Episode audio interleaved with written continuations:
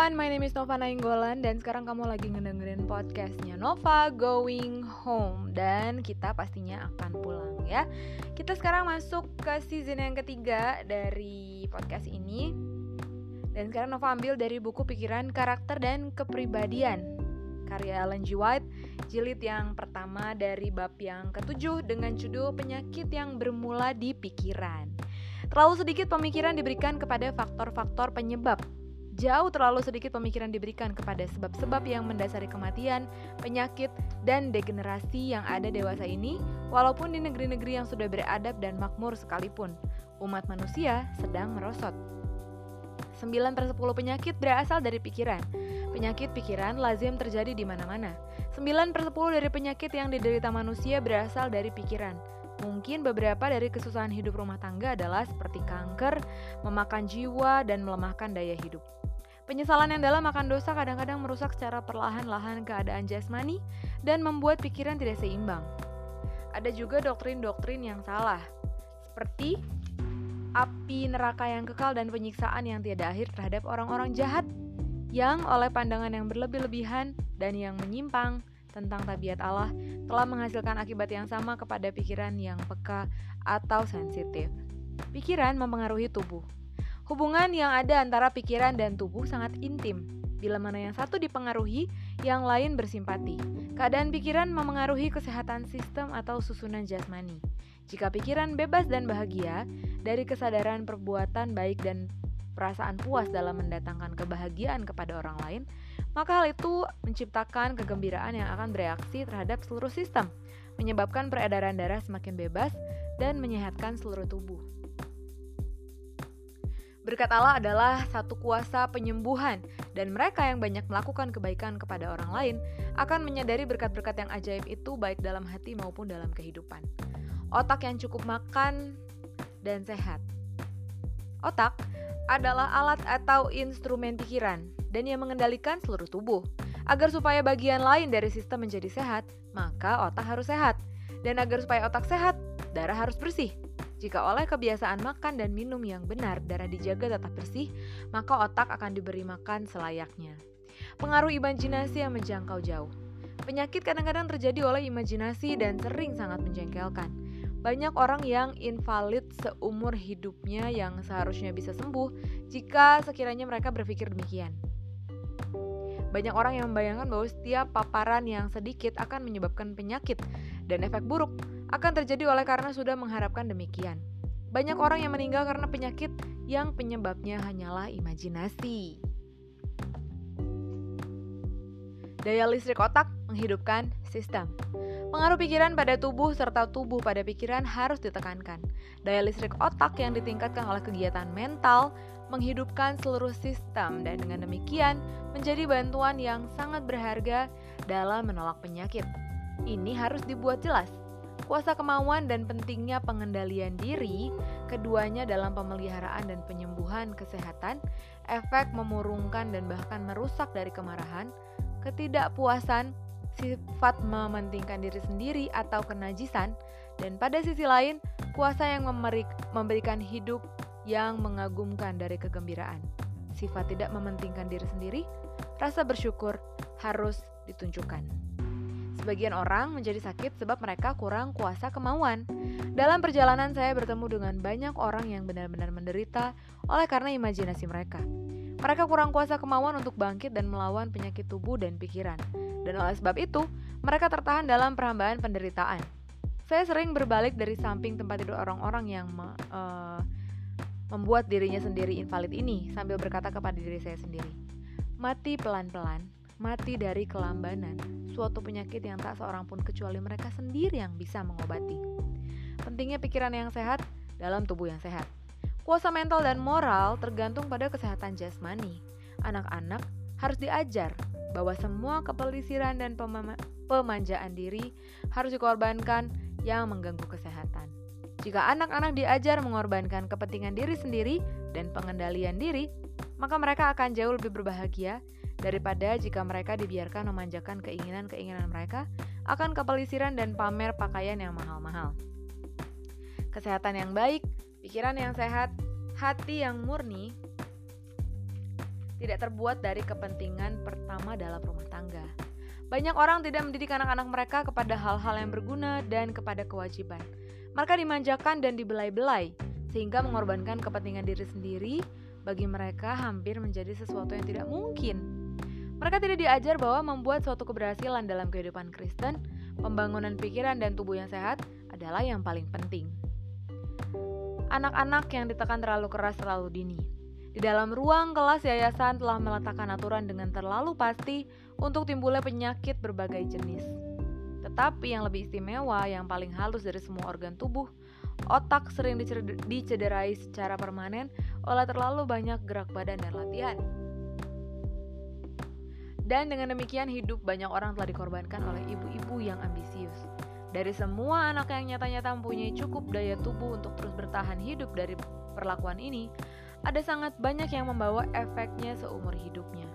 Energi saraf otak menjadi begitu dilemahkan, sehingga sesudah mereka dewasa, tidak mungkin bagi mereka menanggung banyak latihan mental.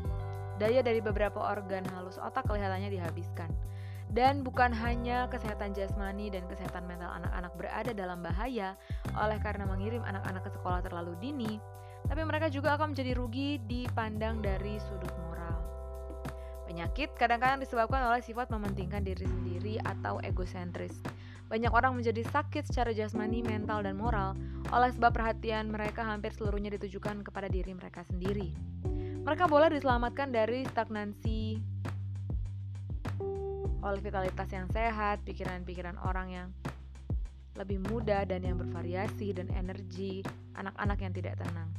Sangat sedikit yang menyadari manfaat dari perhatian, tanggung jawab, dan pengalaman yang dibawa oleh anak-anak ke dalam keluarga. Rumah tangga yang tidak mempunyai anak adalah tempat yang sepi. Hati penghuni rumah seperti itu berada dalam bahaya menjadi mementingkan diri sendiri, mengasihi hanya untuk kepentingan mereka sendiri, dan merundingkan hanya keinginan dan kesenangan mereka sendiri saja. Mereka mengumpulkan simpati untuk mereka sendiri, tetapi hanya sedikit memberi kepada orang lain.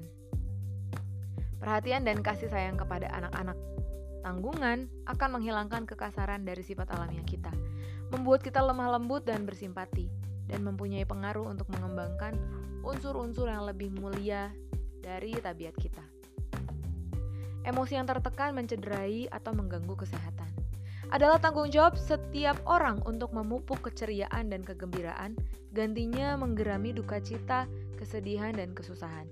Banyak orang tidak hanya membuat mereka sengsara dengan cara ini, tapi mereka mengorbankan kesehatan dan kebahagiaan kepada imajinasi yang tidak sehat. Ada hal-hal di lingkungan mereka yang tidak menyenangkan, dan wajah mereka senantiasa berkerut, sehingga lebih jelas menyatakan ketidakpuasan daripada kata-kata. Emosi yang tertekan ini sangat melukai mereka dipandang dari sudut kesehatan, oleh karena dengan mengganggu proses pencernaan, emosi yang tertekan itu mengganggu gizi. Sementara kesedihan dan kecemasan tidak dapat mengobati yang jahat dan buruk. Mereka bisa mendatangkan kerusakan, tetapi keceriaan, kegembiraan, dan pengharapan, sementara mereka menerangi jalan orang-orang lain, menjadi kehidupan bagi mereka yang mendapatkannya dan kesembuhan bagi seluruh tubuh. Dalam mengobati yang sakit, pelajari pikiran. Dalam mengobati orang yang sakit, efek dari pengaruh mental tidak boleh diabaikan. Jika digunakan dengan benar, pengaruh ini dapat menjadi salah satu alat yang paling efektif untuk melawan penyakit. Penyakit bermula dalam pikiran. Banyak sekali penyakit yang menimpa manusia bermula dalam pikiran dan hanya bisa disembuhkan oleh memulihkan pikiran kepada kesehatan. Ada sangat banyak orang, lebih dari yang kita bayangkan, yang sakit secara mental, sakit hati membuat banyak orang terganggu pencernaannya. Oleh karena kesusahan mental mempunyai pengaruh melumpuhkan pada organ-organ pencernaan. Kristus menyembuhkan. Apa penyakit jiwa yang obat tidak bisa jangkau? Tidak ada obat yang bisa menyembuhkannya. Berdoalah untuk penyakit ini dan bawalah orang yang sakit itu kepada Yesus Kristus. Suasana memberikan kesehatan dan kekuatan. Di atas segalanya, orang tua harus mengelilingi anak-anak mereka dengan suasana ceria, gembira, sopan santun, dan kasih. Sebuah rumah tangga di mana kasih tinggal dan di mana kasih itu dinyatakan dalam pandangan, dalam kata-kata, dalam perbuatan adalah tempat di mana malaikat-malaikat senang tinggal. Orang tua Biarlah sinar matahari kasih, kegembiraan, dan kebahagiaan memasuki hatimu, dan biarlah kemanisan pengaruhnya meliputi rumah tanggamu. Nyatakanlah roh kebaikan dan kesabaran, dan doronglah hal yang sama ada pada anak-anakmu. Pupuklah semua kasih karunia itu yang akan membuat kehidupan rumah tangga semakin terang. Suasana yang diciptakan demikian kepada anak-anak sama dengan udara dan sinar matahari kepada dunia tumbuh-tumbuhan, meningkatkan kesehatan dan kekuatan pikiran dan tubuh. Jadi, kalau dari pelajaran pada hari ini, seperti yang ditulis di buku Amsal, hati yang gembira adalah obat, tetapi semangat yang patah mengeringkan tulang.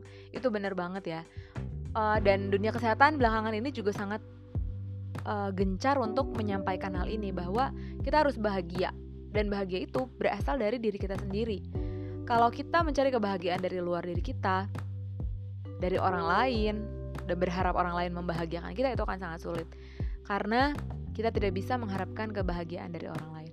Kita minta pada Tuhan supaya hati kita selalu diberikan damai sejahtera dan sukacita, supaya kita dapat selalu bersukacita dalam menjalani kehidupan kita. Apa pun yang terjadi, kalau Tuhan sudah karuniakan sukacita di hati kita, maka tidak ada yang bisa membuat kita menjadi sedih dan murung. Kalau mungkin di antara kita ada yang sudah pernah memiliki kepahitan atau rasa trauma di dalam hati, mungkin berat tapi saya percaya tidak ada yang mustahil saya sendiri juga merasakan rasa yang sama saya pernah merasakan trauma baik itu karena keadaan dari dalam keluarga ataupun ketika bergaul bersama teman-teman. Ada verbal bullying yang saya dapatkan. Dan mungkin tanpa disadari itu membekas sampai sekarang ini gitu. Jadi ada rasa takut, ada rasa khawatir dalam uh, memiliki hubungan sosial yang mungkin seharusnya ketika kita sudah dewasa seperti ini baru mulai mengalami mungkin akan beda uh, cara penanganannya daripada ketika kita sudah mulai mengalami verbal bullying dari kecil gitu. Ada rasa trauma yang tersimpan tapi tidak ada mustahil bagi Tuhan. Kalau kita selalu datang kepada Tuhan dan memohon kekuatan, maka uh, aku percaya Tuhan akan memberikan kekuatan kepada kita untuk menjalani kehidupan kita di depan. Selama Tuhan masih memberikan kepercayaan kita untuk hidup, maka Tuhan pun pasti akan menolong kita untuk menjalani kehidupan itu sendiri. Terima kasih sudah mendengarkan Nova hari ini. Sampai jumpa di podcast selanjutnya. Bye bye, God bless you all.